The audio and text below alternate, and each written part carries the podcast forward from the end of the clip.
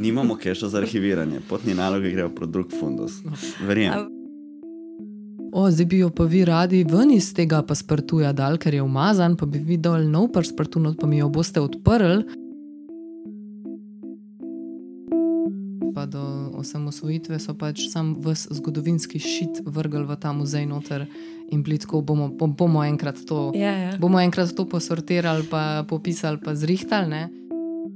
Najprej je bil muzej narodne osvoboditve, se pravi takoj po vojni, potem je bil muzej ljudske revolucije, kasneje muzej ljudske revolucije Slovenije in šele kasneje muzej novejše zgodovine, pol je postal muzej novejše zgodovine Slovenije, zdaj pa muzej novejše in sodobne zgodovine Slovenije.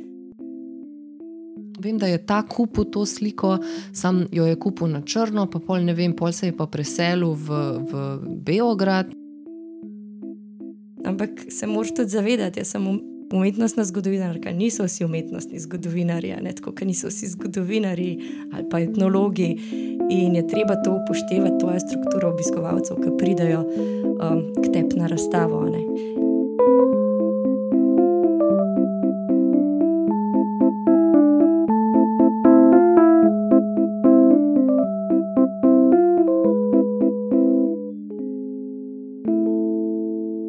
Zdravo, dobrodošli v drugi epizodi tretje sezone kritiškega posetka oziroma posladka v obliki podcasta. Danes imamo v gosteh umetnostno zgodovinarko in kustosinjo Muzeja novejše in sodobne zgodovine Slovenija, Tina Fortič, Jakopič je z nami. Dobrodošla. Živijo. Danes se bomo pogovarjali o tem, kako je biti kustos v eni izmed slovenskih institucij, kako je sodelovati z različnimi profili, kot so konzervatorji, restauratorji in podobno, in kako se je tikati slovenskih zakladov umetnosti. Z vami sva tudi Jrnej Čuča Gerbec in Maša Žekš, ukvarjava se z likovno kritiko, kuriranjem, pisanjem in umetniškim ustvarjanjem. To, kar poslušate, je kritiški posedek, posladek paraumetniški projekt, kjer včasih drug z drugim klepetava o aktualnih razstavah in ali dogajanju na področju vizualne umetnosti in kulture, pogosto pa klepetov povabiva sogovornika, ki je na tak ali drugačen način upleten v delo v kulturi. Vse pomembnejše stvari, kot so avtori, dogodki, reference, ki jih bomo omenjali tekom podcasta, jih bomo polinkali v opis. Torej, če ste na YouTubu, je v opisu videa spodaj, če kje drugje, da nimo na Spotifyju, pa so zapiski zbrani v opisu posamezne epizode. Lepo pozdravljeni. Poslušate kritiški posed. Posladek, posladek. Ok, uh, Tina, dobrodošla v najnem podkastu. Uh, kako se počutiš, si v redu? V redu, udobno, hvala. Mogoče zdaj um, si predstavljam, da mogoče za razliko od ostalih uh, podcastov, kjer smo gostili kakšne umetnike ali pa tako, so, ki so mogoče malo bolj upfront. Um, v očeh javnosti, ali pa vsaj pri tistih, ki uh, spremljamo kulturo, si pa zdaj ti ena od teh profilov, ki je mogoče v ozadju, ne? torej neki kuratorji, kustosi, zgodovinari, raziskovalci in to. In me, po mojem, bo znal biti zanimivo, no? nek ta uvid um, za poslušalce, kako izgleda nek tak poklic. Uh, in kaj vse zajema, ker v bistvu, kar naenkrat, po moje, lahko pridemo do tega, da je tega res ful. Pa bi mogoče začel pri tem, kaj si ti sploh študirala, kaj te je zanimalo, kako si prišla do tega, kar počneš zdaj. Uh, ja, jaz sem v bistvu študirala umetnostno zgodovino na Filozofski fakulteti v Ljubljani. Že takoj sem bila odločena, v bistvu že na začetku študija, da grem v Francijo, zaradi tega, ker nekako tja me je vlekel že prej. Učila sem se francoščino, rada imam francoski prostor in vedela sem, da bom to nekako združila s, s tem. Tako da že v Ljubljani, ko sem začela študij, sem takoj vedela, da okay, moram gledati za možnosti, kako bi lahko to združila in šla nekako tja.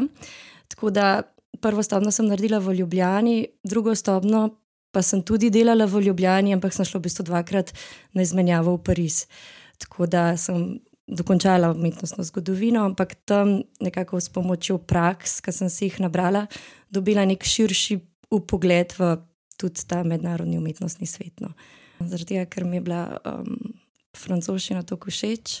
Nisem sicer študirala, nisem želela študirati, ampak vedela sem, da si tja enkrat želim priti. No. In sem- In kam si šla potem v Franciji? V Pariz. Uh Mhm. -huh. Tam sem bila na študijski izmenjavi eno leto, Pa sem bila eno leto tukaj doma in potem sem šla še na izmenjavo prakso v Pariz. Tudi, kjer se je pa potem kar nekako organsko začelo razvijati. Namreč, ko sem pošiljala tiste v, um, prijave za prakse, sem najprej dobila eno, in ko sem pa že bila v Parizu, sem dobila ponudbo še za eno, pa še za eno, tako da sem pa na koncu ostala kar mečkam dal časa, kot sem planirala. Na začetku sem par mesecev, no, uh, potem pa je spet se razvil v eno leto. Tako da ja, to. Kaj pa si delala potem v Parizu? Najprej sem delala v Musée de l'Orangerie, se pravi uh, v oranžeriji. Tam sem imela kot neko prakso, uh, ukvarjala sem se s fotografijami, v bistvu, ki jih imajo v zbirki. Ampak v sklopu tega zelo do dobro spoznala njihov sistem, kako delujejo. Pa oranžerija je v bistvu ista institucija kot Orsej, tako da smo bili zelo povezani. Sem v bistvu lahko tudi Orsej zelo podrobno spoznala. Tako da nekako sem dobila uvid v to, kaj pomeni biti kustos. Prej moram priznati, da v Ljubljani si nisem čist predstavljala, kaj to natančno pomeni. Vedela sem približno, ampak prav v praksi pa ne. No, kasneje sem pa potem dobila še eno službo, v, mislim, prakso v podjetju, ki se je ukvarjalo z dražbami. Se imenuje pač neko spletno stran, imajo auction.fr. In kasneje pa potem še prakso v njihovi dražbeni hiši Arkorial, ki je v bistvu njihova največja francoska dražbena hiša. No. Um, tam je bilo pa sploh zanimivo, ker vedno me je privlačil trg umetnin. Nekako je bil to nek tak balonček, ki sem rekla, uf, to je pa super, to je pa res neka taka fascinantna stvar in uh, sem se želela tam preizkusiti. Pa sem pa v bistvu ugotovila, ker sem dejansko tam delala nekaj časa, da pravzaprav to ni čisto za me, no? da ni tako vse lepo, kot se zdi, in da mi je mogoče ta muzejski del veliko bolj všeč.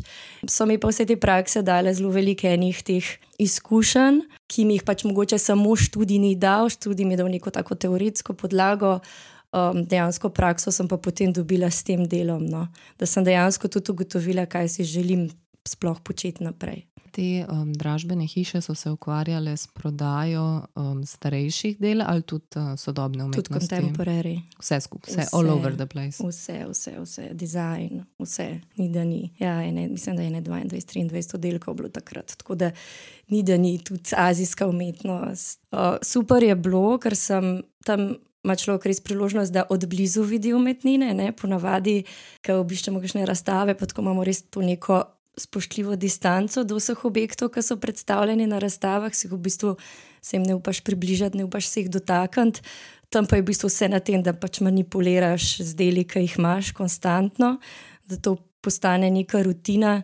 In to mi je bil v bistvu nek tak najbolj zanimiv del te prakse. No. Ja, drugače pa vse dražbe so vse čas, no, tam, tako da gre za res full velik, velik biznis. No. Tvoje delo v Franciji je bilo tako, da zdaj bolj si ti tam francosko tekoče. Profesionalno delovala v tem okolju. Mislim, ja, ja, ja. Sej, sem že pregovorila francosko, tam sem se pa potem dejansko še bolj nekako v praksi izpopolnila. Kako ne rečem. Samo moram reči, da zdaj, ko vsakodnevno več ne govorim francosko, začenjam malo zgubljati. In ravno zdaj navezujem stike z raznimi francoskimi muzeji in kustosi, ki imajo podobne zbirke kot jaz, tukaj v Ljubljani. In vidim, da bom morala na tem mečkam bolj narediti, spet, da dobim nazaj to francoščino. Spet se malo spomnim. Ja. Jaz bi se tle mogoče malo nazaj vrnil. Ti si prej rekla, da si v Franciji spoznala, kaj pomeni biti kustos in kaj pravzaprav to je. Uh, potem si se pa vrnila nazaj domov in zdaj delaš v Sloveniji. Zdaj, A si opazil kakšno razliko v načinu dela, je kaj drugače, ali se ti zdi, da se v Sloveniji v bistvu smo prav v, v istem, delamo v istem načinu, kot recimo v Franciji? Uh, delamo v zelo podobnem načinu, sicer pa mislim, načeloma delamo podobno. Naloge kustosa so pač jasne, uh, da skrbi za zbirko, da predstavlja zbirko javnosti, da je pač odgovoren za interpretacijo tega, valorizacijo svoje zbirke. Uh, Uh, je pa odvisno, kakšna je tvoja pozicija znotraj muzeja. Zdaj, oranžerija je nek manjši muzej, pravzaprav. Mislim, da so imeli tam okrog 300-400 del takrat, ki so bili del neke stalne postavitve, in načeloma ni bilo načrtovano, da se zbirka zelo širi ali kakorkoli gre za neko stalno stvar, in potem so, je bilo delo predvsem na občasnih razstavah. Tako da delo za to stalno zbirko je bilo pravzaprav že upravljeno in kustos ni imel nekega. Nekih posebnih nalog s tem, pač dela so bila razstavljena na stalni razstavi in to je to. In pa tisti kustos, ki je prišel na vrsto, če tako rečem, tisto leto, da naredi neko začasno razstavo, se je takrat bolj ukvarjal z nekim materialom, ki pa ni del njegove primarne zbirke. No. To je mogoče nekoliko drugače, kot kar zdaj jaz delam, ko imam neko zbirko, s katero operiram, kjer poskušam vsakeč pač iz zbirke potegniti en del um, tega materiala in ga predstaviti javnosti. In v bistvu v veliki meri ta material sploh še ni obdelan. Je pa to odvisno od posameznega muzeja, no. tudi v Franciji je drugače. Seveda je financiranje tam veliko večje kot tukaj, no. se vidi, da je veliko več sredstev na voljo, tudi veliko več obiska, kar prenese, kaj je povezan tudi s temi sredstvi. Seveda je razlika, ampak v nekem primarnem tem bi pa rekla, da kustos, ki ima neko svojo zbirko, dela zelo podobno kot tukaj. Glede na to, da delaš v um, muzeju za novejšo in sodobno zgodovino, koliko je zdaj te akvizicije, novih del? Likovnih del. Ja, na splošno. Um, z tvojega področja. No, z mojega področja bolj malo. Jaz si želim, da bi tega bilo mečkan več, pač na tem moram tudi sama več narediti. Ampak gre za to, da je treba za to specifično zbirko postaviti zelo neko jasno strategijo. In dokler te strategije nimam, ne želim kar tako naslepo um, pridobivati neka dela. Namreč Zbirka je bila v bistvu že nekako osnove zbirke, izhajajo iz druge svetovne vojne. Znanstveni inštitut, ki je bil ustanovljen leta 1944, je že za takrat začel zbirati različno gradivo in um, dokumentarno gradivo, materialno gradivo in umetniška dela, pač vse možno. Vse živo. Ne? Vse živo, ker pač ideja je bila, da se potem po vojni ustanovi nek muzej. In dejansko se, se je. In v bistvu nekaj umetniških del imamo mi že iz tega znanstvenega inštituta, kasneje pa seveda muzej pospešeno zbira vsa dela, ki so nastala med drugo svetovno vojno, eno z eno bi tematiko. Tudi, ki niso nastala nujno med časom, med 41 do 45, tudi kasneje. Sčasoma se je zbiralna politika razširila, tako da je v zbirki tudi velik del uh, socrealizma, pa potem tudi kasnejših obdobij. Hkrati pa so v zbirko prišla kar v velikem številu tudi dela, ki so nastala pred vojno. Se pravi, med obema vojnama, nova stvarnost, to imamo kar dobro zastopano, in tudi, recimo, imamo Tratnikove risbe, pravi iz časa Prve svetovne vojne. Tako da gre res za nek konglomerat, no, kar se zbirke tiče, tematsko, časovno. Zdaj, po osamosvojitvi, pa nekako je to zamrlo, pridobivanje novih del, seveda so sem in tja še vedno prihajala, vendar v, v večini so bila ta dela vezana ali tematsko na, ali pa časovno nastanek, ki je bil vezan še vedno na obdobje, o katerih sem prej govorila. Nekako neka sodobna dela se niso tako redno pridobivala.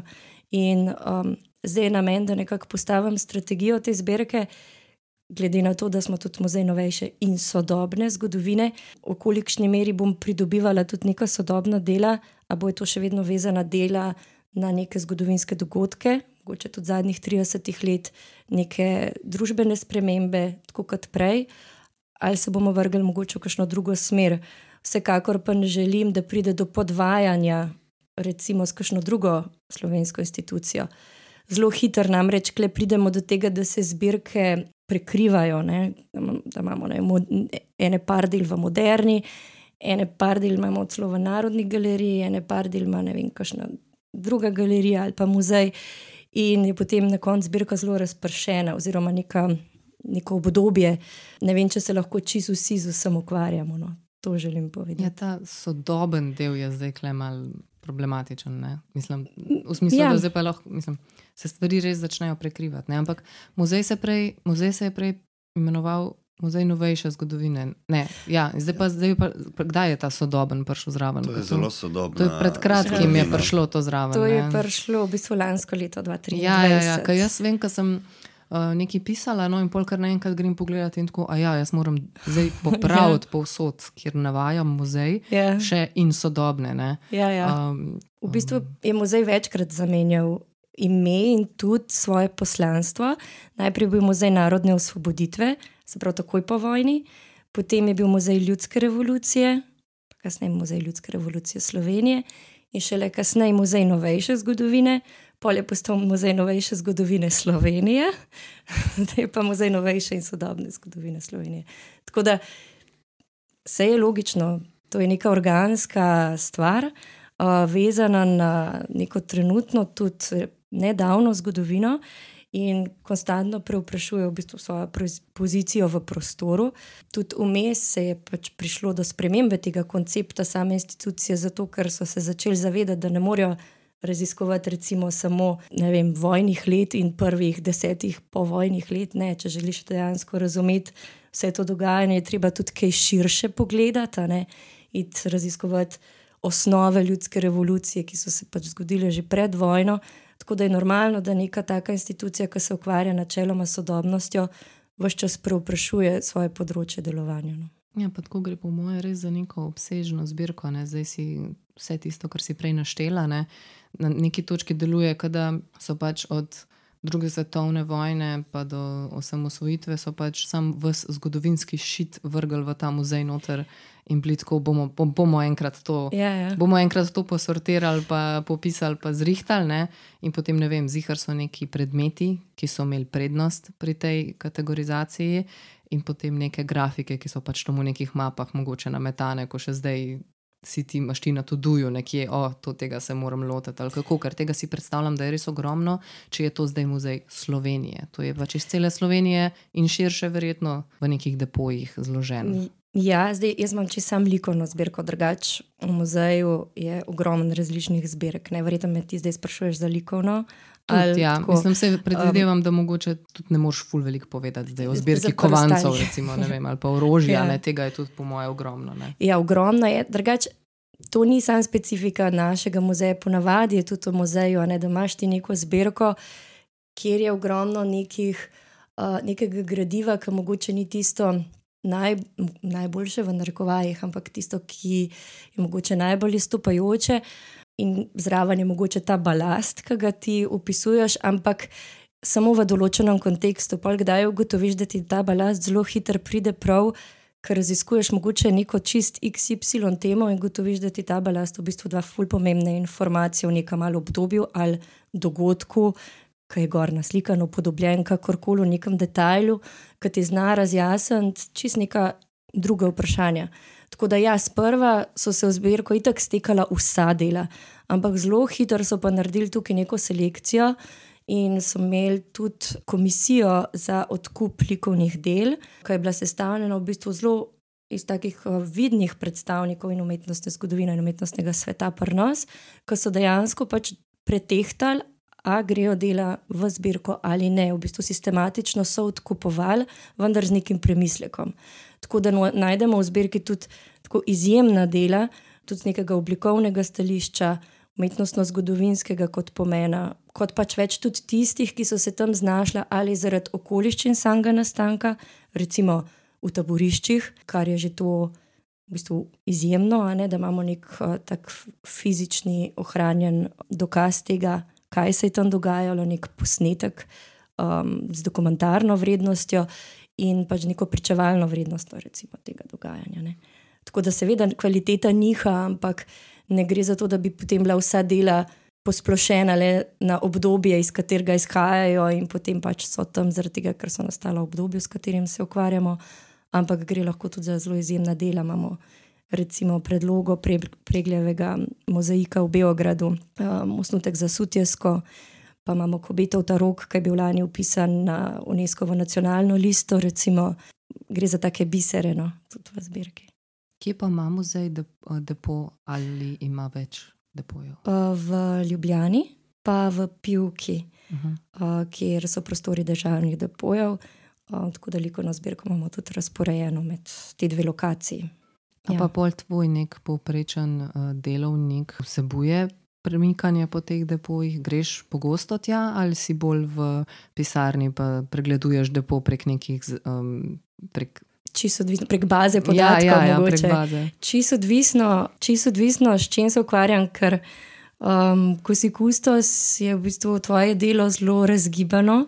Zdaj, ko moraš raziskovati, recimo, gradivo, ko pripravljaš nek projekt, veliko delaš z gradivom, seveda opazuješ, delaš dokumenti z, um, pač z literaturo, zraven pa tudi z gradivom. Kadar potem, ko imamo neko razstavo, kot sem jo recimo imela lani, in ko je bila razstava zaključena, in ko sem se ukvarjala predvsem s prezentacijo tega dela, ki je bilo narejeno, sem recimo manjkrat zahajala v depo, ker nisem toliko nekih drugih raziskav imela. Ampak je zelo odvisno. No. Včasih sem zelo pogosto, včasih pa niti ne. Konstantno moram pa sicer skrbeti, da so dela v dobrih pogojih shranjena, ne. oziroma v najboljš, kar je le mogoče v danih razmerah. To pa sigurno. Ja, pa to si sam ti.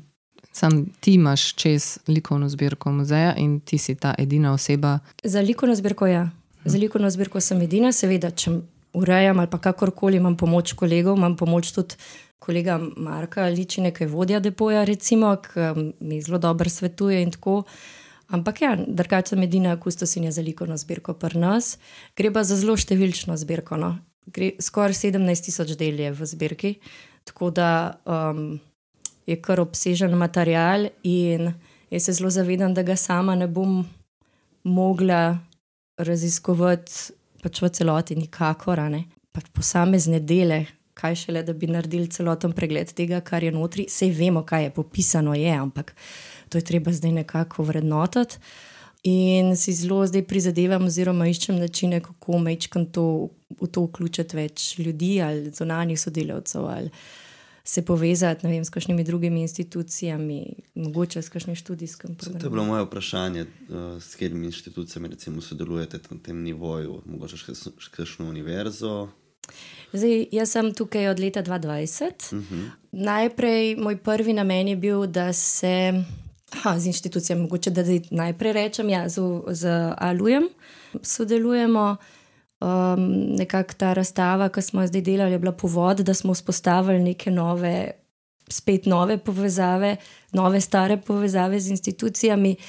Recimo, zalujem oddelkom za restauratorstvo, ker imamo v bistvu veliko del, ki so potrebna nekih konzervatorsko-restauratorskih posegov.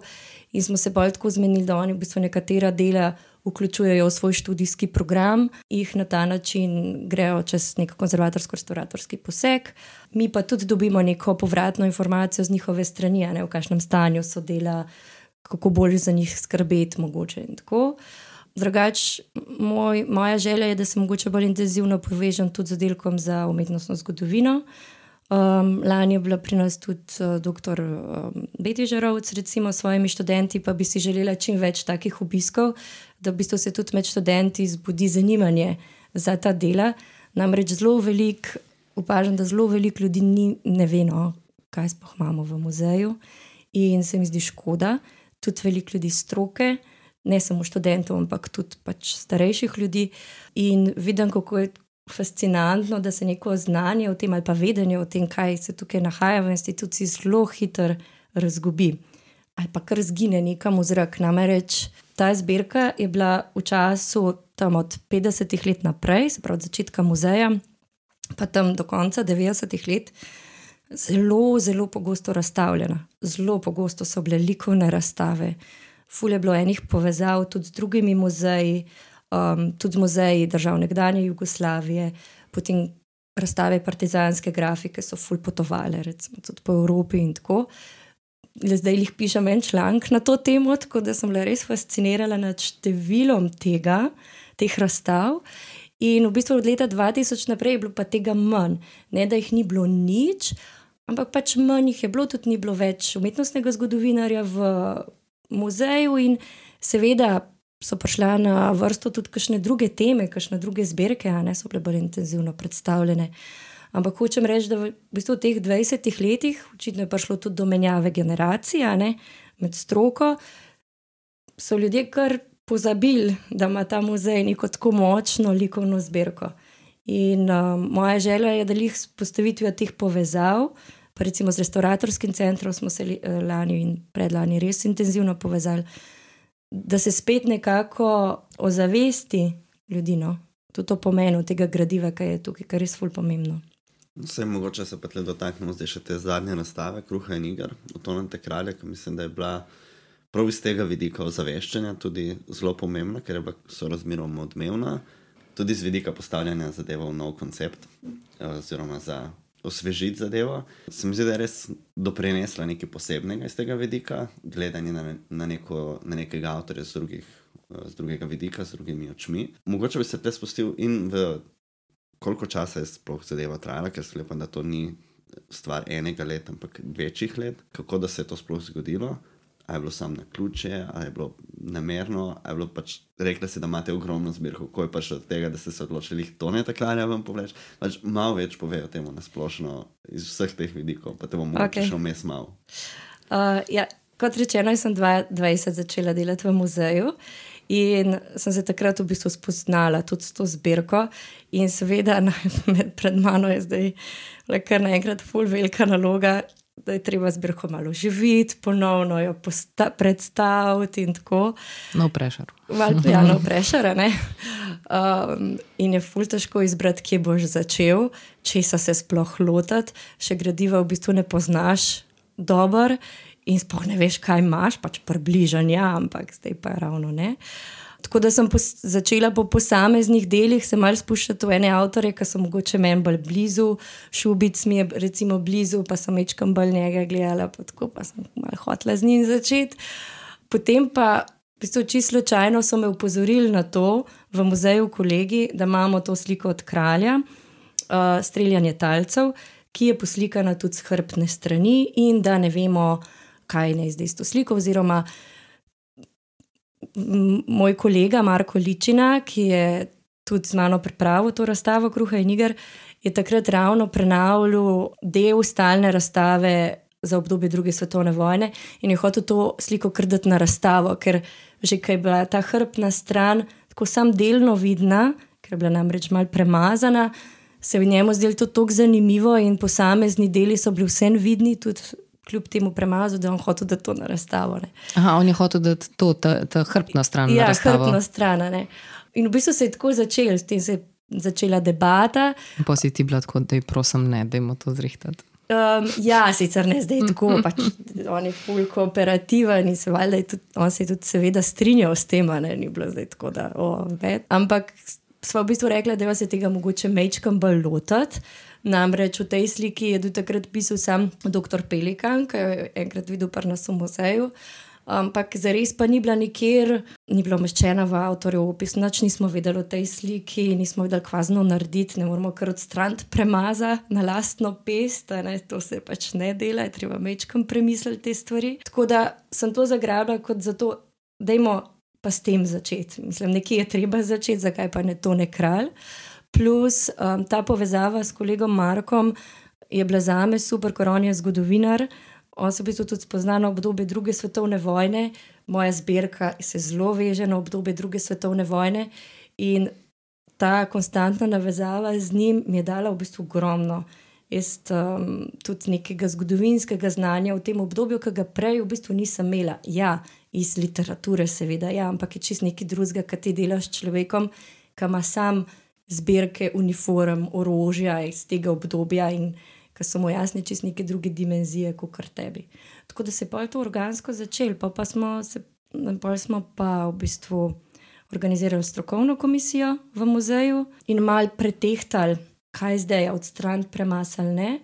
In na koncu je šla slika potem v restauratorski center. Uh, kjer se je potem sprožil celoten ta proces, in so naredili vse preiskave. Si imela še en okvir časovni, ko, ko ste dali v, v uh, ne. Zaradi tega, ker na začetku ni bila planirana tako velika razstava.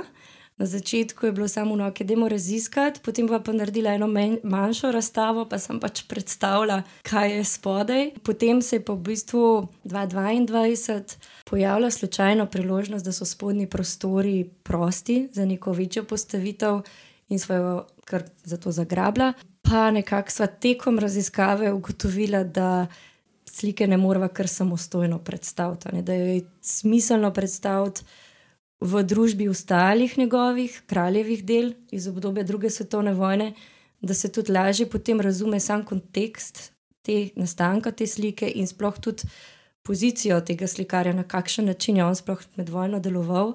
Kako se je odzival na vse stvari, kako se je v bistvu simultano v nekem realnem času zabeležil vse to, kar se okoli njega dogaja. In um, sva si želela to malce širše predstaviti. Tudi z nekega tega didaktičnega, z didaktičnim pristopom, da kako v bistvu razumemo sploh umetnine, kako jih beremo, ker kralj je z tega vidika zelo hvaležen, je zelo ilustrativen, zelo lahko približaš enemu obiskovalcu način pripovedi v sliki, kako gradiš neko simboliko, kako gradiš zgodbo ne, znotraj ene umetnine. Tako da tudi to je bil nekakšen namen in mislim, da je bilo to fajn, ker zdaj tudi, ko je prišla neka mlajša generacija na razstavo, šolske skupine, ki načeloma pridejo k nam velikrat na stalno razstavo, pa se učijo vem, v drugi svetovni vojni, kakorkoli so imeli le zraven na tej razstavi neko vizualno podlago vseh teh podatkov, ki se jih drugače učijo, vseh teh dogodkov, o katerih slišijo tako veliko v šoli. In se jim je zdelo to fully fascinantno, in v resnici se jim je ta tematika približala. Tako da to je bilo za me zelo, zelo tako kako ne rečem, rewarding, uh, ne vem, kje besedo bi drugače uporabila. Videti, da ne samo pri starejši publiki, ampak tudi pri mlajši publiki, ki smo jih uspeli nekako ja, doseči s tem pristopom. Odziv je bil kar uh, pozitiven, ne, se mi zdi.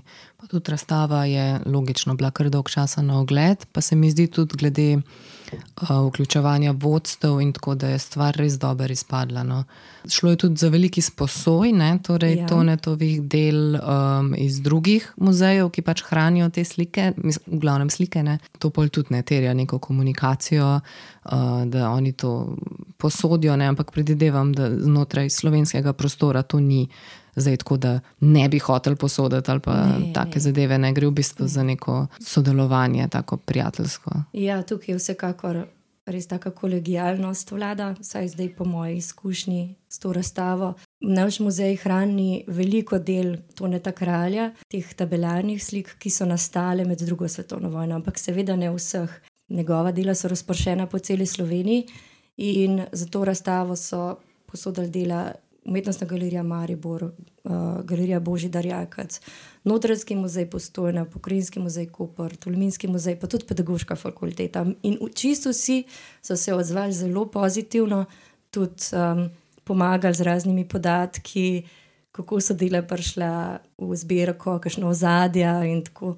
Da nam je bilo lažje. Tako da tukaj se mi zdi zelo fajn, no, da se vsi zavedamo, da pač, ko nekdo raziskuje neko področje, da vsi veliko od tega imamo, potem na koncu, če sodelujemo zraven pri tem, če znanje bogati znanje ne, v tem smislu. Tako da so bili res vsi pripravljeni pomagati. Ja.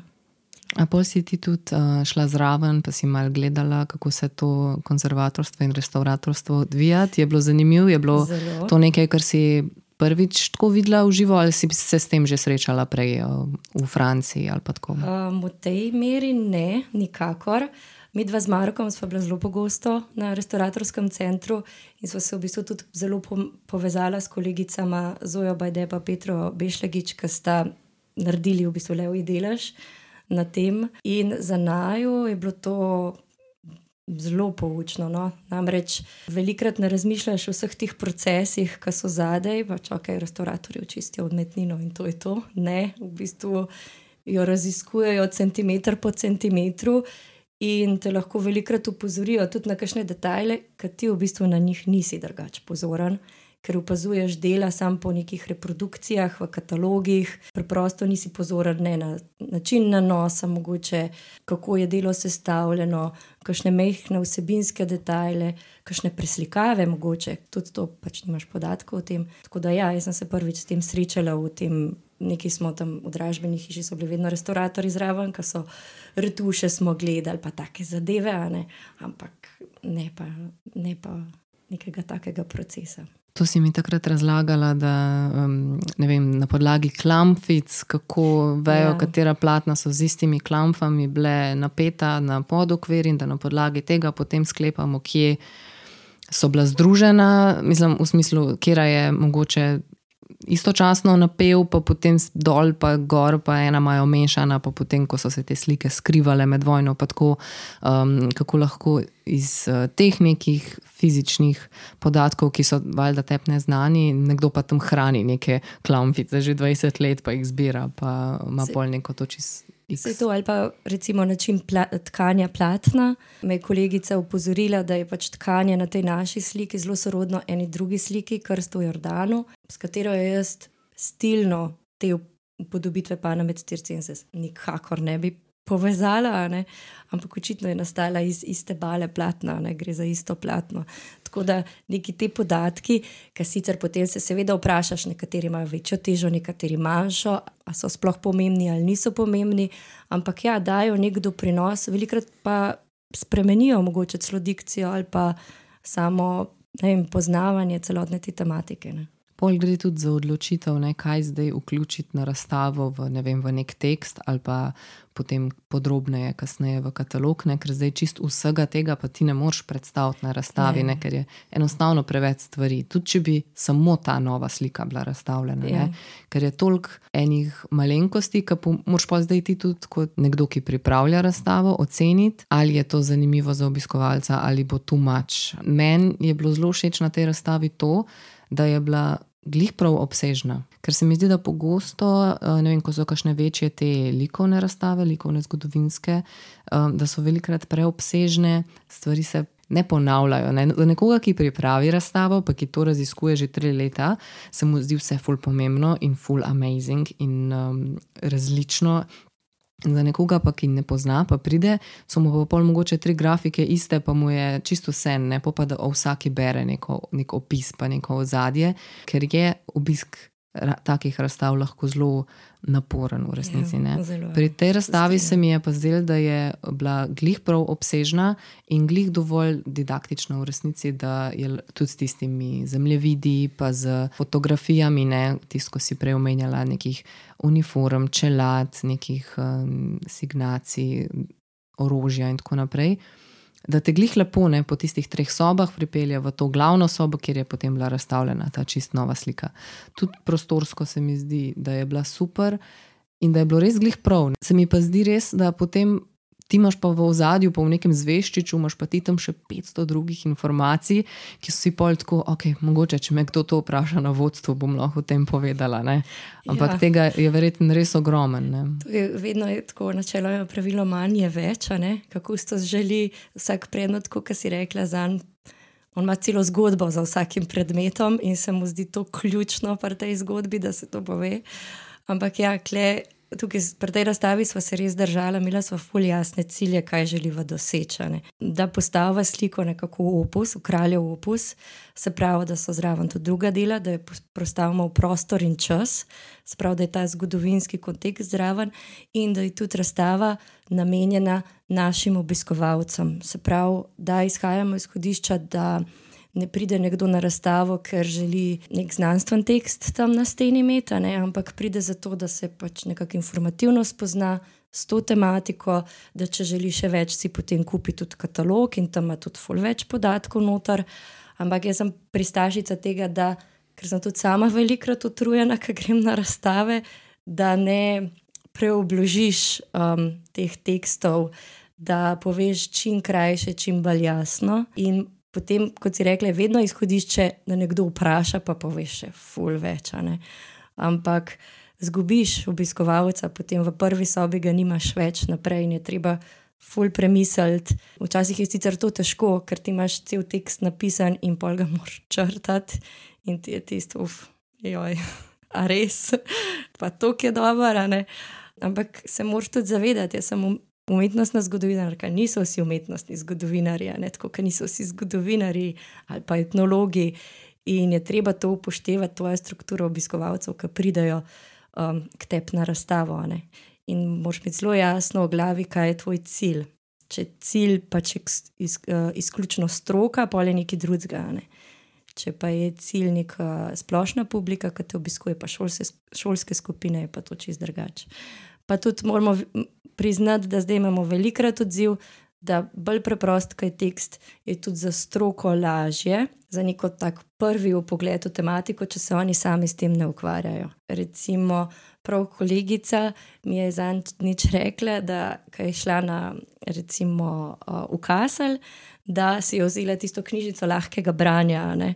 ker smo tudi mi zdaj za kruha in iger naredili, ampak uno za hiter uvid v to, kaj se dogaja. Zdaj ni imela časa brati vseh tekstov, pa vseh um, delih ali kakorkoli, vseh dizertacij. Ampak, no, čak, čak, dej, kaj se dogaja, zdaj sem umetnostna zgodovinarka, ampak čist, da lažje vstopiš v neko tematiko, je včasih bolj, da je bolj preprosto, pa se potem mečkam bolj elaborira, seveda temelji na nekih znanstvenih, pač strokovnih zadevah. Ja, ker pač ne moreš vsega vedeti. Ne? Sej tudi, Ja, če si umetnostni zgodovinar, ne, ne Ja. moreš, tudi pa pozabiš stvari. Tudi? Tako je. Treba ja. se je spomniti, da to je bilo tam, ta, pa zraven pretone, tu je tudi pomembno. Ne? Neka geografija igra vlogo. Tako ne? je. Take stvari, Tako. politika svetovna, glede na to, da gre za čas vojne. Pri tej razstavi se je meni zdelo, da je tudi bilo ful dobr. Cel, cela ta zgodba, da ti sicer izhajaš pri nekem vodstvu ali pa na začetku v prvi sobi, izhajaš iz tonetovega življenja, kaj je on bil, kaj je on delal, kaj se mu je dogajalo. Končni, potem ne, tisti končni revil na koncu je pa, gledajte, mi smo odkrili novo sliko. Ne. To se mi zdi, da je v resnici tako um, bila taka fajn premisa, tudi tako, za, za, ki je pritegnila. Ne. Ja, bila je malo dramaturško narejena. Ja, ja, ja, no, ne, tako, ja. nikoli, Um. nikoli še videna tonetova slika. Ne. In pol je valjda film bil tako, "U, kaj, tudi če ne vem, kdo je tone, to me zdaj zanima, nekaj, kar še nikoli ni noben videl. Ne. Ja, sicer skle zmer podarjam, pač zdaj je bila predstavljena prvič javnosti na ta način, ne, ker da je odkrita, mi je malo tako triki, ker je slika vsem bila v našem muzeju že od leta 52, sigurno, ne. Pozabljena. Ja, tako bom rekla, bolj pozabljena, no? ker vse so jo premikali, slika je potovala na razne občasne razstave, večkrat se pravi. Če slika potuje, sigurno vidiš tudi njen hrbni del. a ne. Drugo bi bilo, da bi recimo visela 50 let na neki stalni razstavi, pa res ne bi nihče opazil. Uh, tako da zdaj smo se lotili tega raziskovanja, je bila prvič tako predstavljena. ne. Malo je predstavil že v bistvu dr. Pelikan v tisti svoji publikaciji, um, zdaj smo pa pač še fizično prvič tako ja, predstavili. Na meni je bilo ful fascinantno, ker sem pol za um, potrebe tistega članka na koridorju no, gledala ta nek star katalog, ki ga imam, ki je iz moderne. Aha, ja, Ne? ja, ja. No, in, ne, in tam noter so predstavljene vse glavne tonetove slike, te pa ni notrne, obvisli. Ta je v popisu delje noter, ja, kot No, a že in tako- streljanje talcev. Je, ja, ampak ne Ja. ja. nič tega kruha in iger, nobene reprodukcije tega Ne, ne. ne, veš? ne, in je ne, tako, dejansko imaš občutek, gledaj, ko je ta katalog izšel, te slike ni, ni, ni bilo v Ne, ne, ne, narekovajih. ni ne, bilo. In je tako. Ja, ja. Je čist, sej po mojem, je to tudi malo umetnostno zgodovinska fora. Ne? Da jaz sem, jaz sem, mene je kar srč spreletel, ker sem bila tako, le kleje ni, kleje ni bilo, zdaj jo pa imamo, pa je nastala takrat v preteklosti. Ja. Šta, uh, Ja. kako je lahko neko vedenje naknadno zdaj, ki bo šlo v Tako. on record. Tako fascinantno je, ne? ker imamo zdaj tisti katalog, pa pol ta zdaj vaš nov katalog in imaš noter pač novo odkritje v resnici. Ja, sej, to je bila v bistvu zelo težka naloga, ker lih to je bilo, kako umestiti to vs, vso že raziskovalno delo, ki je bilo s kraljem upravljeno, ker vseeno je imel retrospektivo v moderni 98. Doktor Kranc jo je pripravil in pa vse te raziskave, ki jih je v zadnjih letih a, Pelikan pripravil, ne, to je, mislim, kam zdaj to sliko vtakniti noter. In za najo je bilo zelo, zelo, zelo tak velik izziv, kako v bistvu zelo spoštljivo pristopiti do vsega tega vedenja, ne, da ne bo zdaj preveč invazivno, oh, nova slika in to je to. Ja, nočeš diskreditirati Tako je, unga, nočeš narediti narobe glede toneta. Tako. Tako, in tudi ne veš čisto točno, kaj je zdaj s to sliko. Vseeno, on je živel do 75 leta. Če bi tudi on želel malo več govoriti o tej sliki ali nas upozoriti na to, bi tudi on lahko to storil že prej. ne. Recimo, tudi sam umetnik, pa očitno ni. Tudi Nek razlog. Ne, je nek verjetno razlog, bil. vse je bilo zadaj. Um, zdaj vem, da dr. Pelikan pravi, da je mogoče to neko tako sporočilo v steklenici, kaj je tipično za kralja, ne on to vidi na ta način. Krancem nekako ne strinja s tem, ne, tako da tega itek ne bomo nikoli ugotovili. Čist natančno, kakšna je ta zgodba. Um, ampak ja, meni je bilo ravno to zanimivo, v bistvu raziskuješ neko likovno delo, ki do zdaj še ni bilo z tega vidika umetnostno-zgodovinsko obravnavano. No.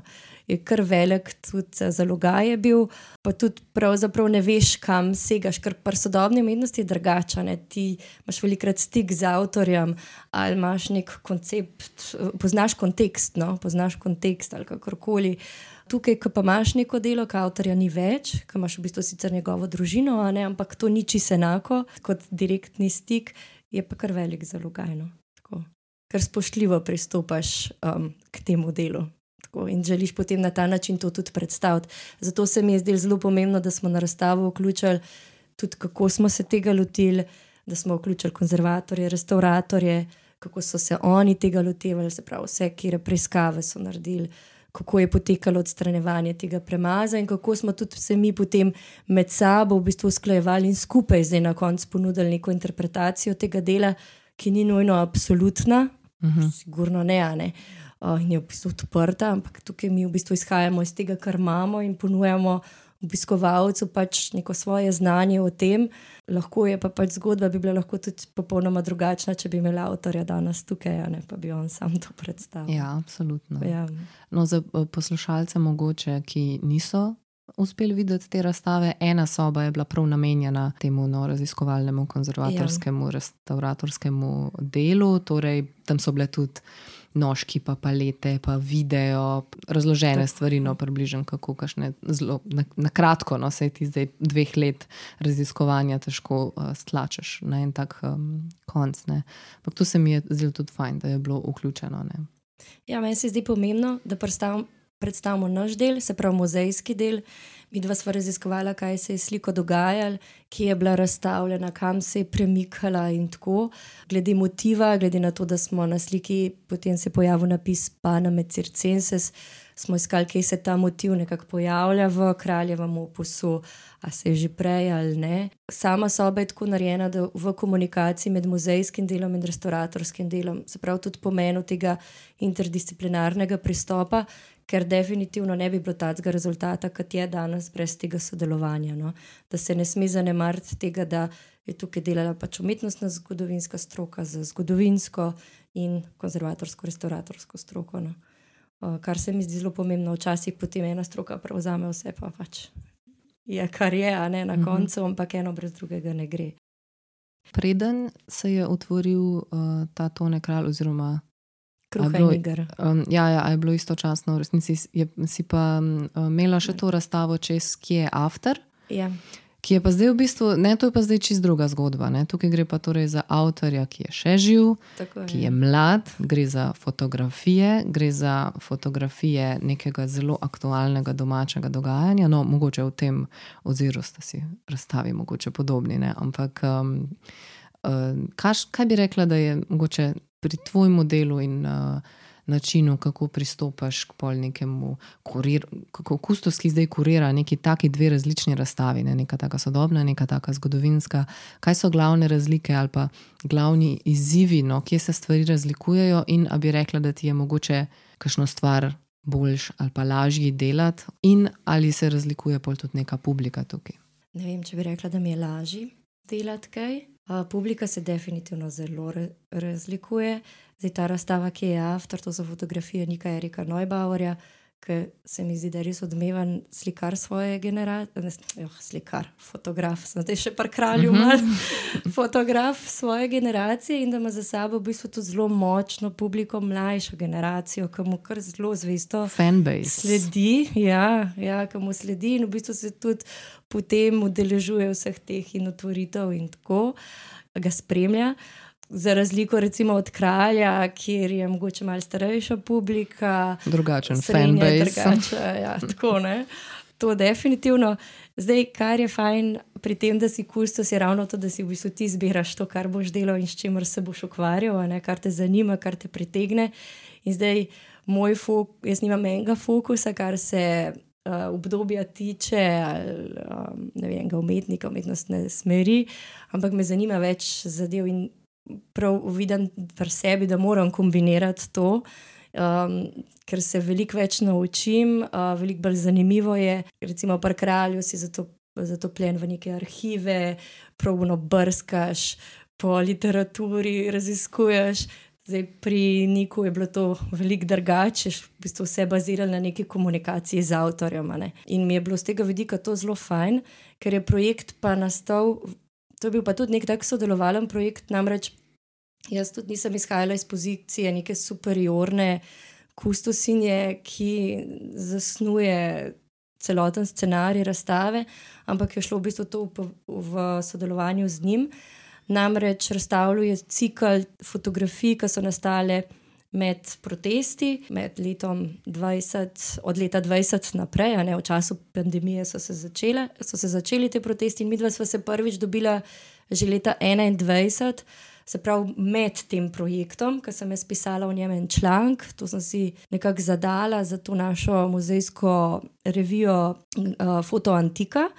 Uh, se mi zdelo fajn, da imamo še kakšnega sodobnega avtorja v to potegniti noter. ne. Uh, in potem sem v bistvu spremljala ta cikl simultano z nastajanjem, in simultano mi dva začela tudi govoriti o razstavi. Tako da v bistvu ti sočasno z nastankom te produkcije že razmišljaš, kako jo boš vključil v nek razstavni projekt. Ne? Nimaš ti neke časovne distance. In recimo ta razstava je bila zdaj jeseni predstavljena v mestni galeriji.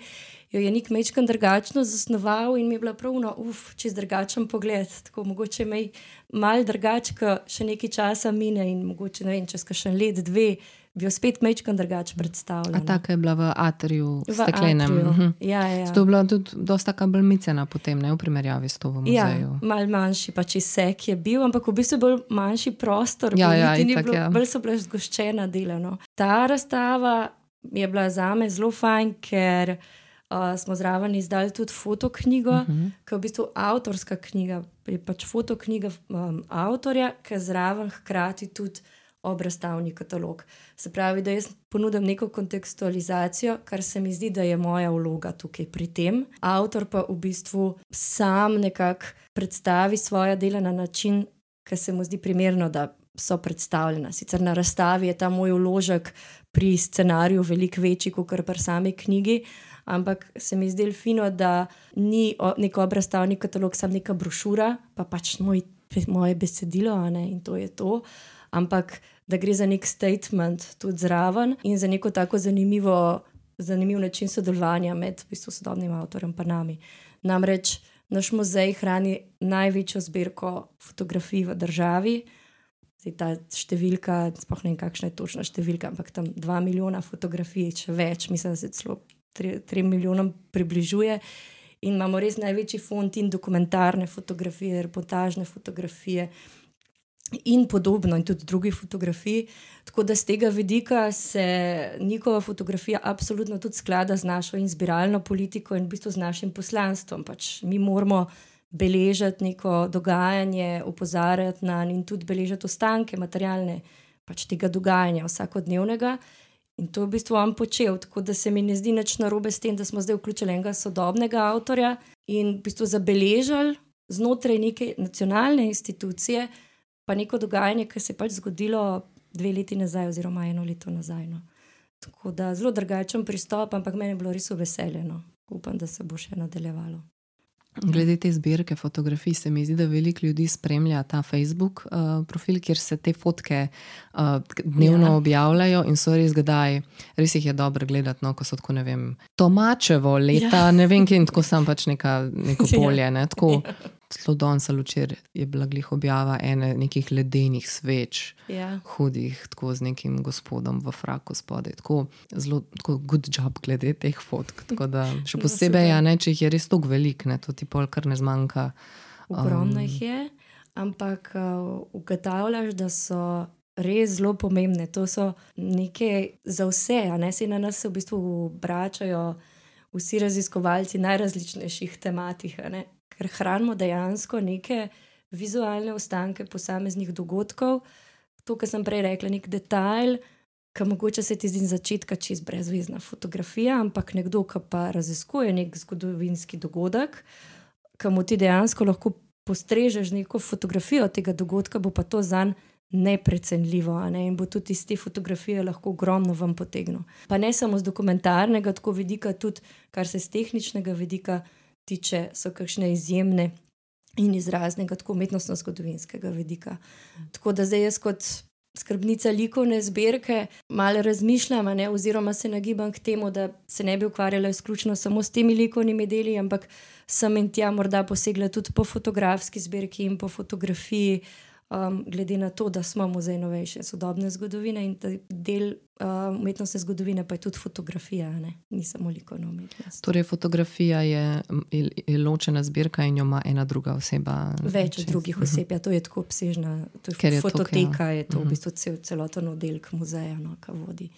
Um, Ja, to. jaz se spomnim, ko smo na faksu delali uh, nek seminar no, na, uh, glede teh um, vil, ki se nahajajo tam okrog uh, Njegoševe ulice današnje. Uh -huh. In ja, kako so res prav prišle te fotografije, ne? ker smo gledali, kako so, kako so se stavbe, ki so recimo bile um, zgrajene v nekem secesijskem slogu, kako so se prenavljala, kakšna okna so vmes zamenjali, a je bilo tam drevo že, Tako mislim, je, ne, a kakšno ja. drevo so podarili, kakšna ograja je bila, kakšna cesta, a so upoštevali te, me, ta mestna navodila, koliko metrov mora biti vmes med temi. Ne? In pol vidiš, če greš ti danes tja in kako je potem ta ista stavba, ne, ki že sto let stoji, kako je takrat izgledala in kako je v velikih primerih izgledala zelo podobno, če ne celo isto. Ne? Ja. Samo krok so se stvari spremenile, pa zavese so druge, pa ne vem, take stvari, ne, um- umetelne ograje, take zadeve. Ali pa takrat Jarne, ki sva.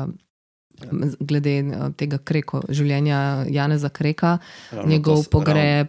Ravno, ravno Pa, to sem razmišljal. Da, ja, ne, kako Ja, so te fotografije takrat prav prišle, ne? kdo je bil na pogrebu, ne? a se da razbrati, kje je bila povorka, kaj, pa hiše, pa hiše, ja, pa tudi tam hranilnica. Pa vse, hranilnica, vse, je člani povezano. družine, take stvari. Ne?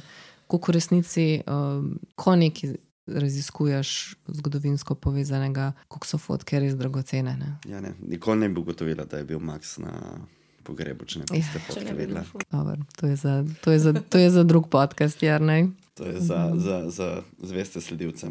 Tudi fajn je videti, da so stvari zdaj sorazmerno digitalizirane, ker mi da so takrat brskala po digitalnih arhivih, kar je dosti lažje, ker te ni treba nikamor iti.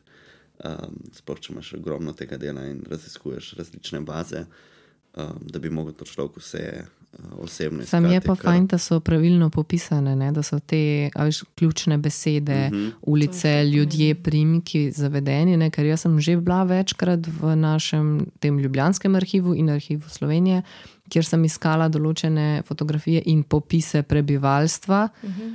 kjer je še, veli, še veliko stvari analognih v mapcah. In tam je stvar zelo delikatna. Prvič, ali je popis dovolj dobro narejen, da lahko ti sam poiščeš, v katero škatlo moraš iti kaj poiskati, ne? ali ti mora una gospa tam povedati, ki, ko bo nehala tam delati, ne vem. Pol, pol znanja se bo zgubilo, ker ona sam hav na pamet ve, pol Slovenije. Ne? In kaj je, ko se neke mapce po nesreč založijo, ne? ker jih ljudje ne spravljajo pravilno nazaj, ker so vse uštevilčene po vrsti in pol nekdo pač um papir nekam založi in je stvar zgubljena, dokler Ne nekdo po nesreč ne najde. Ja. Ne? Ja, najde nekje za neko omaro po 30 letih. Ja, ali pa sam v drugi mapci, Ja, dosti je, ja. da mapco zamenjaš po nesrečne. In je zelo tako, neka dobra digitalizacija je izrednega pomemba. Ja. Ja, zelo, zelo pomembna. Na tem bi morali ful več tudi narediti, ampak je vse povezano tudi s sredstvi in tudi s uh, nekimi ljudmi, ki morajo to pač um, izvesti. Zelo dobro vem, ker sem doma uh, digitaliziral naš, oziroma še vedno, ker to pač traja, uh, osebni pač fotoarhiv od Ja. staršev še. In to je tako zamudna reč. Zamudno, ne? zamudno ful. Se, če ti imaš ljudi, ki to lahko delajo 8 Ja. ur na dan, pa jih imaš vem, 10 ljudi, ki sam to delajo, se da. Ampak to pomeni, da mora biti toliko ljudi, ki bo to delal pač tistih 8 ur na dan in bo delal sam to. In če ti delaš to sam, ali pa če, to, če nimaš sredstev za to, da bi te ljudi uh, plačal, Ja. ne gre skozi. Ne, Čisto ne fizično. skozi. Pa tudi jaz sem res pristaš tega, da se tako pregleduje glih to po digitalnih bazah. Zato, da ti čim manjkrat manipuliraš z umetniškim delom, v bistvu, da čim manjkrat posegaš ali pa ga sploh vzameš iz depoja, ali pa tudi v depoju, pač čim manjkrat pržgeš luč, čim manjkrat ga prestaviš, kakorkoli. Se, če imaš digitalno, če boš neki nujno rabo, če moraš iti pogledat zadevo, Sam je veš, kje je. Tako je, tako je. Ampak za namen raziskovanja je pa bolj, da je pač ta digitalna kopija, ker sploh za ne vem, dela na papirju, to je, to je tako občutljiva stvar. Tudi imaš omejitev, koliko časa je lahko sploh razstavljeno delo, tudi če ga daš na razstave. ne. Um, zdaj pa, da bi vsak, ki pride, pa raziskuje neko tematiko, ti mu moraš dati dostop do zbirke, seveda, da pač mu daš dostop do zbirke, ampak jaz imam raj, da dostopa, če je digitalizirano prek tega, kot da veš, fizično predstavlja delane. To je Ali pa je ta riski. fotografija na steklu. Ja, groza. Ja, ja, ja. ja, ja. Sej so, so razmeroma trpežne, ampak Ne, ne, ne. vsi vemo, kako se steklo hitro razbije, Ja, ja, če se ja. slučajno komu kaj zalom. Ja, ja, ja sej ravno zato, ker klepa to malo zmanjka. Ne veš, nikoli ne moreš tako hitro digitalizirati, kot ti pri, recimo fotografiji dobivaš v zbirko. Zato bi pač kolegice z fototeke lahko veliko bolj povedale, kot jaz. Ampak Vse to pravim, če imaš Gre. ti finance, imaš tudi Ja, ta, tako. imaš dovolj ljudi, ki lahko to tako, počne. tako, tako. Je pa ful pomembno, ne? da se tudi ohrani, če se karkoli zgodi s tem predmetom, tako kot praviš. Ali pa če se založi konc koncev, tako kot ste rekli, da recimo nekdo kaj samo v napačno mapico, da se bo našel ta predmet, ampak boš rabo mečkam več časa, da ti imaš vedno to podobo nekje shranjeno, ali če se razbije, recimo, če slučajno pride do nekega takega incidenta, da ti imaš mislim. Moj kolega pravi, vsaka fotka je boljša kot nobena Se, fotka. se tudi Tako. za, za slikarske delo, vse take stvari je dobro imeti uh, digitalizirano. Če ne drugega, ko pride do takega primera, kot je ravno s tem kruha in iger, ne, Ja. primerom, ker imaš na obeh straneh delo. In dobro, če imaš možnost in če je želja in potreba, da je to razstavljeno, tako, recimo v neki ostali zbirki, da vidiš obe strani, kakšna dela so kdaj tako razstavljena, super. Kdaj od teh ta odločitev, da ni potrebno? Ne? Tako je. Ja. In potem druga stran postane nedostopna. Razen, Ja. seveda, če imaš digitalizirano, potem jo vedno lahko vidiš. Ja, ja, ja, res je. Tako da, Ali pa tudi primeri, ko imaš v kakšnih katalogih uh, reprodukcijo neke slike, ki je danes izgubljena. Ne? Ja. In se sprašuješ, pa to je bilo v nekem katalogu, to je bilo na neki razstavi, to je bilo popisano, kako je kar zgubljena neka dvometrska slika. Ne? Ampak se zgodi, kaj še lepo neke fotografije, neki, neki predmeti. Ne? Ne, če se stvar sposodi, če v resnici je še zmeraj v zasebni lasti, kakšne take stvari, ali pa nekdo vmes umre, ko, ko, ko ve o tem predmetu. Uh, in polkar stvar rata zgubljena, ne? in pa se spet najde, mogoče čez ne vem koliko časa, ko nekdo, ki je za stvar ve, um, s čim operira. ne. To, to, me, to je bilo meni vedno fascinantno. Ne? Ko imamo neko, neko, neko sliko, fotko slike, ja, Ja, ja, ta slika je, ne vemo, kje je. Ne? ali ukradena ali izginjena. Pa se to je recimo tudi pri kralju, tista slika bratje iz 30 let, to je bila tako huge slika, ne vem, 3 metre, 20 krat 2,5. Ki imamo fotko, ampak jo je kralj sam pol razrezal, a ne? pa uporabil za dve drugi deli, tako da itak ne obstaja več. In ti ta črno-bela fotka ful velik pomen. Pa tako kot si rekla, zelo hitro se zgubi zavedanje o tem, kdo ima kaj, kje. ne. Sploh, ko so dela pri kakšnih zasebnih lastnikih, a, imaš pa neko dediščino, dediči mogoče niso tako zainteresirani za to zbirko, ki so jo, imeli pač njihovi predhodniki.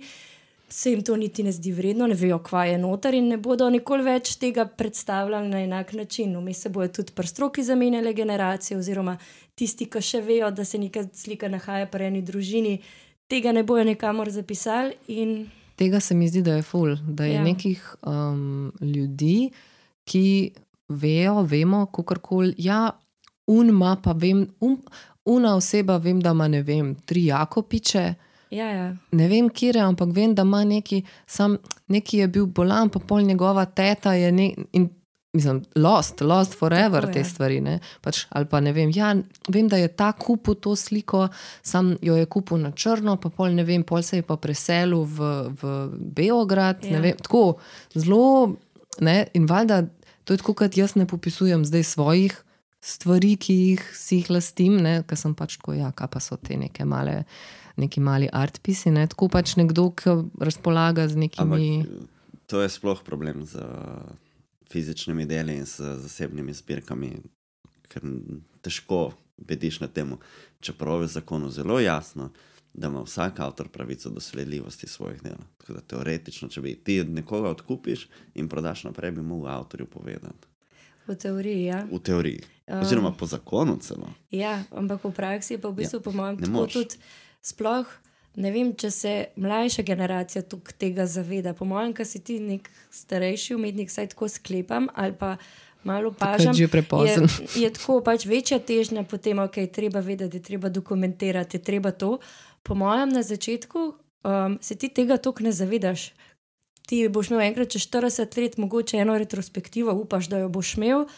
A, kje so zdaj tista dela iz mojih zgodnjih 30 let? Pojma, nimaš, kaj si pač vesel, verjeten, da prodaš, ne sploh na začetku. In pač se ne ukvarjaš toliko s tem, komu prodaš, pa ne ustrajaš pri te, tej Ampak- sledljivosti. Ne? Še vedno je Tudi. ta problem tega, ne, da nekdo se, ko kupi delo, se počuti potem lastnik dela. Absolutno. Tudi se počuti, da lahko s tem delom naredi karkoli. Ja. Ja. To pomeni, da teoretično tvoje delo lahko tudi ne obstaja več, ker se je nekdo odločil. A ni bilo na neki epizodi John Oliverja, so kupili, mislim, da uh, Hitlerjevo sliko in so potem. Se potem dal možnost uh, gledalcem, da se odločijo, kaj se z njo naredi. In seveda so se gledalci, ker je pač Hitlerjeva slika odločili, da se uniči. In potem mislim, da so celo predvajali tisti uh, razrez. Ja, sam po, mislim, da po zakonih avtorskih, o avtorskih pravicah, po mojem, to ni. Ne vem, to je bila Amerika, tako da Amerika ima dosti bolj liberalne zakone, kar se tiče avtorskega prava. Se strinjam, da je ful velik problem. No, mislim, pač, Ful.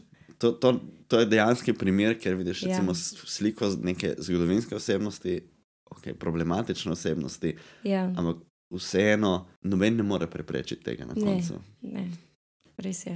Mislim, zdaj, ne vem, če se je kdo jokal za to sliko, ampak Ne, sem gre tudi za pač druga dela, ki so, ne, pa poseganje ja, ja. v neko avtorjevo delo. Sej tudi to je bilo lih pri kralju, a ti posmeš, po- se ne smeš poseči na lastno pest v neko avtorjevo delo. Sej konzervatorstvo, restauratorstvo ima itak zmer ima neke smernice oziroma pravila, kako se tega loteva, ne? ampak ti si velikrat na neki umestni točki, a posegaš v delo ali ne, ne? ker vsi postopki, recimo pri konzervatorstvu, restauratorstvu, niso uh, reverzibilni. Načeloma se ti moraš držati tega principa uh -huh. Reverzibilnosti, ampak vsi pač niso. Če gre ena stvar na pol, če gre en ki, ne vem, mu odpade en del, pa mu ti moraš dati zraven en del, da bo še vedno držal skupaj. To pa ga v bistvu pretrdiš na ta način, da se ga ne da dati stran, to ni reverzibilno. Tako da vedno si kle vmes. Kar se pa pač trga tiče, je pa to jasno, da te, ki kupijo, se dejansko počutijo, ja, da so lastniki. Ja, To se pa strinjam. tudi v resnici ljudje, ki zasebno, uh, ki zasebno zbirajo stvari, Ja. nimajo vsi enakih zmožnosti, da bi to hranili na, na, na idealne načine, da bi to lahko bilo tudi dostopno. Zelo malo je takih zbirateljev, ki bodo dejansko imeli tudi javno zbirko. Ja, se strinjam. Sicer to, po mojem, je povezan tudi s tem, da nimajo vsi tega zavedanja, kako je pomembno, da je to javno dostopno. Poleg tega, sicer mislim, da je zadaj doskrat povezan tudi strah pred tem, da so pač izpostavljeni kot lastniki nekih zbirk, kar je povezano z določeno varnostjo. a Ne? Mhm. Tudi n- ne bi rekla, da je samo to, da se pač počutijo kot lastniki, da je po mojem več drugih razlogov. Ja, mislim, tudi zmožnost je čist, čisto. zmožnost. Pač Ja. ti imaš lahko ne vem, fantastično zbirko, imaš neke prostore, ki so v nekih prostorih, ki so primerni, ampak so to še vedno zasebni prostori, ker govorimo recimo o nekih stanovanjih ali pa hišah, nimaš pa prostora, da bi, ne vem, oziroma nimaš možnosti, da bi potem postavil zraven še v bistvu galerijo, Ja, ja, ja, absolutno ne. plus ja. vzdrževanje tega, plus plačevanje nekoga, ki bo skrbel, če ne drugega, samo zato, da bo bil nek paznik v vsaki sobi, potem pa še ja, nekdo, ja. ki bo pobiral stopnino. Ker naenkrat teh stroškov, za naš prostor v bistvu zelo nepredstavljiv. tudi za tujino, ni, ni, ni za vsakega to zmožnost. Ne, pač, pač predvsem te velike fundacije ali kaj takega, ki si nekaj takega lahko privoščijo. Ampak, po mojem, kar se pri zbirateljstvu, je po mojem tudi namen zbiranja zelo drugačen, se razlikuje in je od tega tudi veliko odvisno. In zdaj, če nekdo zbira izključno zase, razumem neko večjo uh, zadržanost pri tem, da pač to razstavlja, vem, da posoja na full razstav. Ker to si ljudje ukomponirajo prav v svoj dom. Jaz sem nekaj časa delala tudi v prodajni galeriji, kle v Slovartu, in pač se res se počutijo, da je to del njih postane. In zdaj, valjda, kad ti daš to nekaj na, eh, eno delo na razstavo, imaš tam prazen prostor doma in ga ne moš kar tako zapolniti z enim drugim delom. Pač to delo kot da posvojijo. Um, zdaj, drugi, ki pa recimo zbirajo tudi z namenom investicije in tako, izključno investicije, ali pa jim je to ful bolj pomembno, jim je pa valjda ful večji interes, da gre to na razstavo, ker če jim je delo razstavljeno, tudi odvisno od institucije, ki je, pač cena veliko naraste. ne. že v muzeju, ko manjka kakšno delo iz zbirke ali pa stalne zbirke, ko dajo na posodo, ko priješ ti v muzej in gledaš. Ti je čudno, "Ah, jaz sem Ja. zdaj prišel sem, Ja. ne vem. Enkrat v lifeu bom prišel v to državo, enkrat v lifeu bom v tem muzeju je. in zdaj je ta zadeva kar nekje. Ja, ja, tako, tako. Tako da doma mora biti še huje. Po mojem tudi, ja. Po mojem tudi si predstavljam. imaš ponovadi sliko tam na tvojo jedilno mizo, ki ti krasi vsak, Ja. vsako večerjo in potem tako, ne zdaj je pa tam nekje v Parizu na izposoji. Ja, vse to. O, pogbet. Sam mislim, da dejansko, če se prav spomnim po naši zakonodaji, si celo kot uh, lastnik imaš pravico do kompenzacije. Da ti, uh, recimo, če si bi v muzej Aha. želel sposoditi, da imaš pravico, da ti pač plačajo. Ne vem, kakšni so te zneski, ne vem, kako se določajo, ampak mislim, da imaš pravico, da ti nekaj dajo za to, ker se ti ti sposodi. Ja, ne, vem si, ne vem sicer, kako je za, po zakonu, ampak ja, se to je načeloma vedno, ko si sposoješ. Narediš pogodbo, pol se pa obe stranki odločita, ali je brezplačno ali ne. Ampak ponavadi itak tisti, ki dajo na razstave, jim je v interesu, da je pač delo Ja. tudi. Ne, um, Ja, jaz vem za izposojo par smrekarjev za to Ja. razstavo, ko je bila v Narodni in je v bistvu bolj tako na lepe oči. Ja. Ni nekih, A, Mislim, da je v um, zakonu zapisano bolj iz tega vidika, da mogoče prepričaš koga, ki ni čist. Ja, je Če mogoče. res rabaš neki. Ja, ampak a veš, nekdo si res ne bo želel, ne vem, dati tiste, tiste ene slike, ki jo ima tam nad jedilno mizo, kot smo rekli prej, ker pač ne more si predstavljati večerje brez tega. Ok, sem to imel dušbek mufne. Če imaš ti neko tako pomembno stvar doma, se mi zdi, da si mogoče tudi malo zaveden Ja. o tej o vrednosti tega in neki uh, družbeni odgovornosti, ali kako bi temu rekla. Sej mogoče se Ja, motim. ljudje so no, različni. Ne? Je pa tudi res- dušbege. Mogoče ne, ja, mogoče ne iz vidika toliko, joj, ne morem jesti večerjo, če te slike ni kle, ampak bolj, jaz sem fulj navezan na to sliko, skrbi me, da mi jo boste zjebali.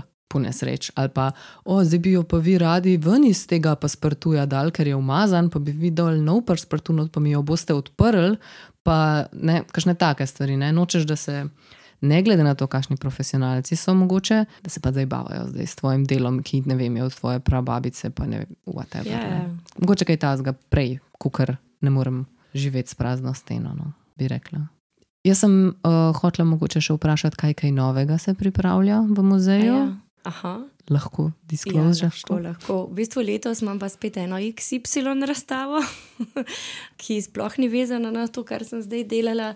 Um, letos je 40. obletnica gibanja LGBT v Sloveniji in poleti pripravljamo razstavo na to temo, fotografij v sodelovanju z mestnim muzejem, pa tudi z galerijo Škuc. V bistvu smo se povezali, pa bomo imeli vsi, vse institucije, bojo imele nekako različne, konceptualno različne razstave na to temo.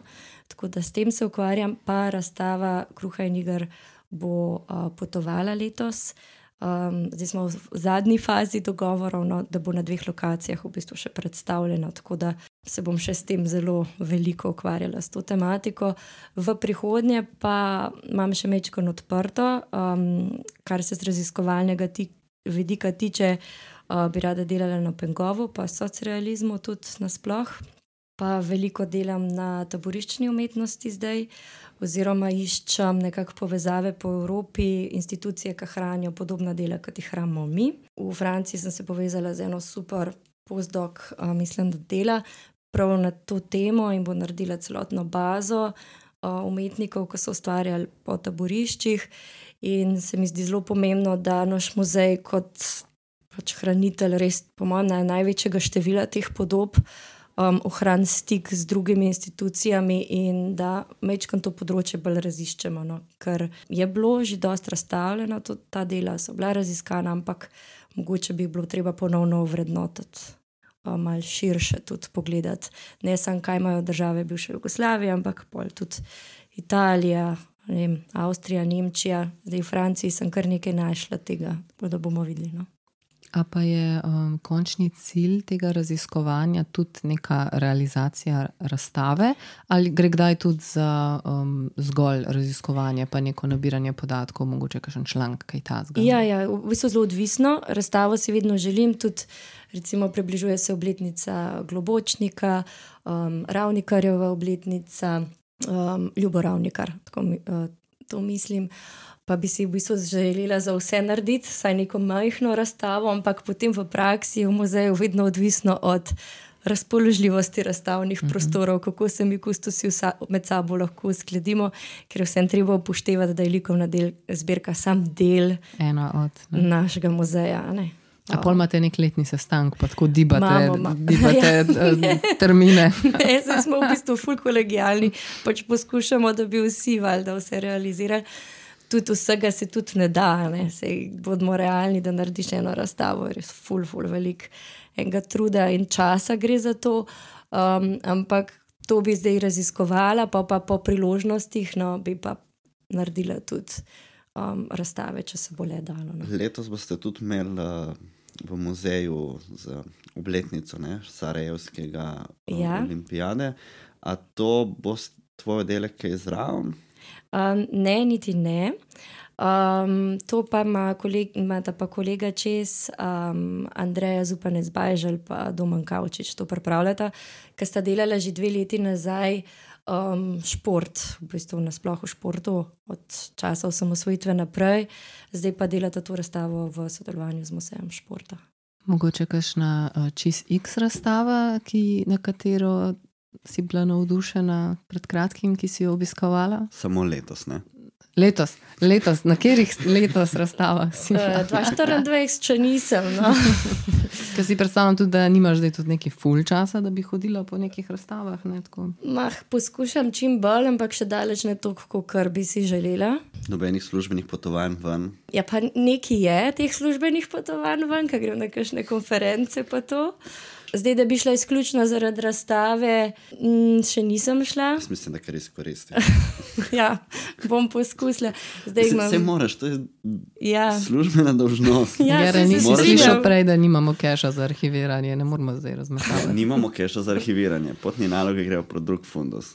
Verjamem. Ampak, gledaj, zdaj, jaz to zmeri poskušam pač združiti. Zdaj imam uh, februarja eno predavanje v Zagrebskem tem mestnem muzeju, pa bom to izkoristila in bom šla takrat še po muzejih recimo.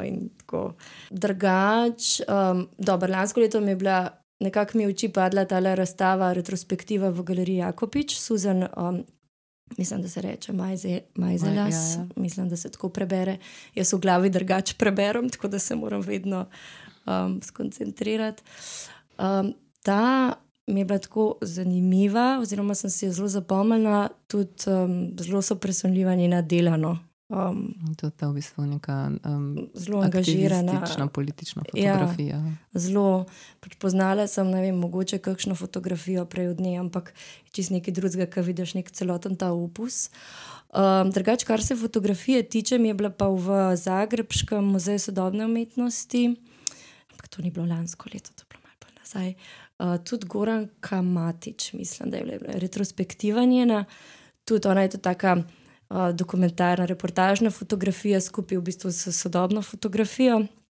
Mm, hkrati pa je bila očitno več čas v nekih teh krogih, in kulturnih, in političnih, in uh, mainstream, in v bistvu vse to fotografirala tako zelo zanimivo. Likovno um, je bila pa prnos, recimo, fully všeč um, razstava Iveta Šubica kot ilustratorja v Luškem muzeju, hm. ker lani tudi potovala pol. Um, to je pa delala Petra Čeh, uh, kolegica. Ja. Je tako tak zanimiv vid. Rada imam take izseke, v bistvu sam opus. Iz, ne, pre, ne predstavljaš čisto mogoče celega opusa enega umetnika, ampak en izsek, veš, en drug pogled daš, mogoče sam na delček uh, njegovega dela. In glede so si pač zadali ilustracijo, spravo en medij, ki bi on fuldejaven v njem, ampak pač ne ponavadi ga ne predstavljaš um, z ilustracijami, ga pač asociraš z grafiko, vem, s slikami, tistimi udarnimi. In mi bo tako tak, prav tak dragulček ta razstava. No. Evo, to mogoče. Okay. Zdaj smo že vrca. Zaključimo. Ja, ja. Hvala vam, drago občinstvo, za vso vašo pozornost. Zahvaljujeva se današnji gosti.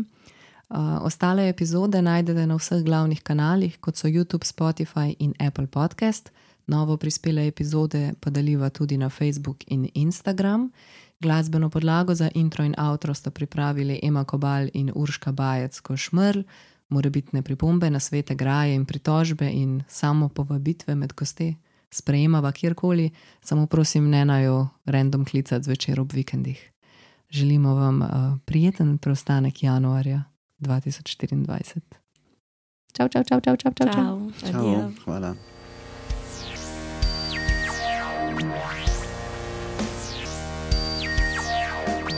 lahko pijem, ker meni se, ful, ne, meni se, lej, meni se ekstremno tresejo roke. Ko me spohnijo, jaz sem v elementu, pa sem ok, a ne. Ampak um, si prvo rečem na kakšnih teh okroglih mizah ne pit. Uh, by the way, jaz imam tresavico. Meni je čist carsko biti kle, jaz sem full cash, sam pa roke se mi tresajo. Mislim, da mi B vitamina primanjkuje, ampak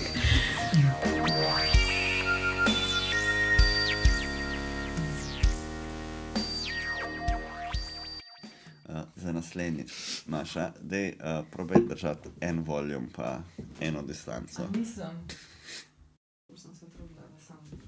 Ne, vsake toliko si tako stratosfera, in pol vsake toliko si šla malo nazaj, tako da se lahko govorijo več na glas. Ja, sorry, no. Se sam za drugič ti povem. Uh, a pol mi smo, ok.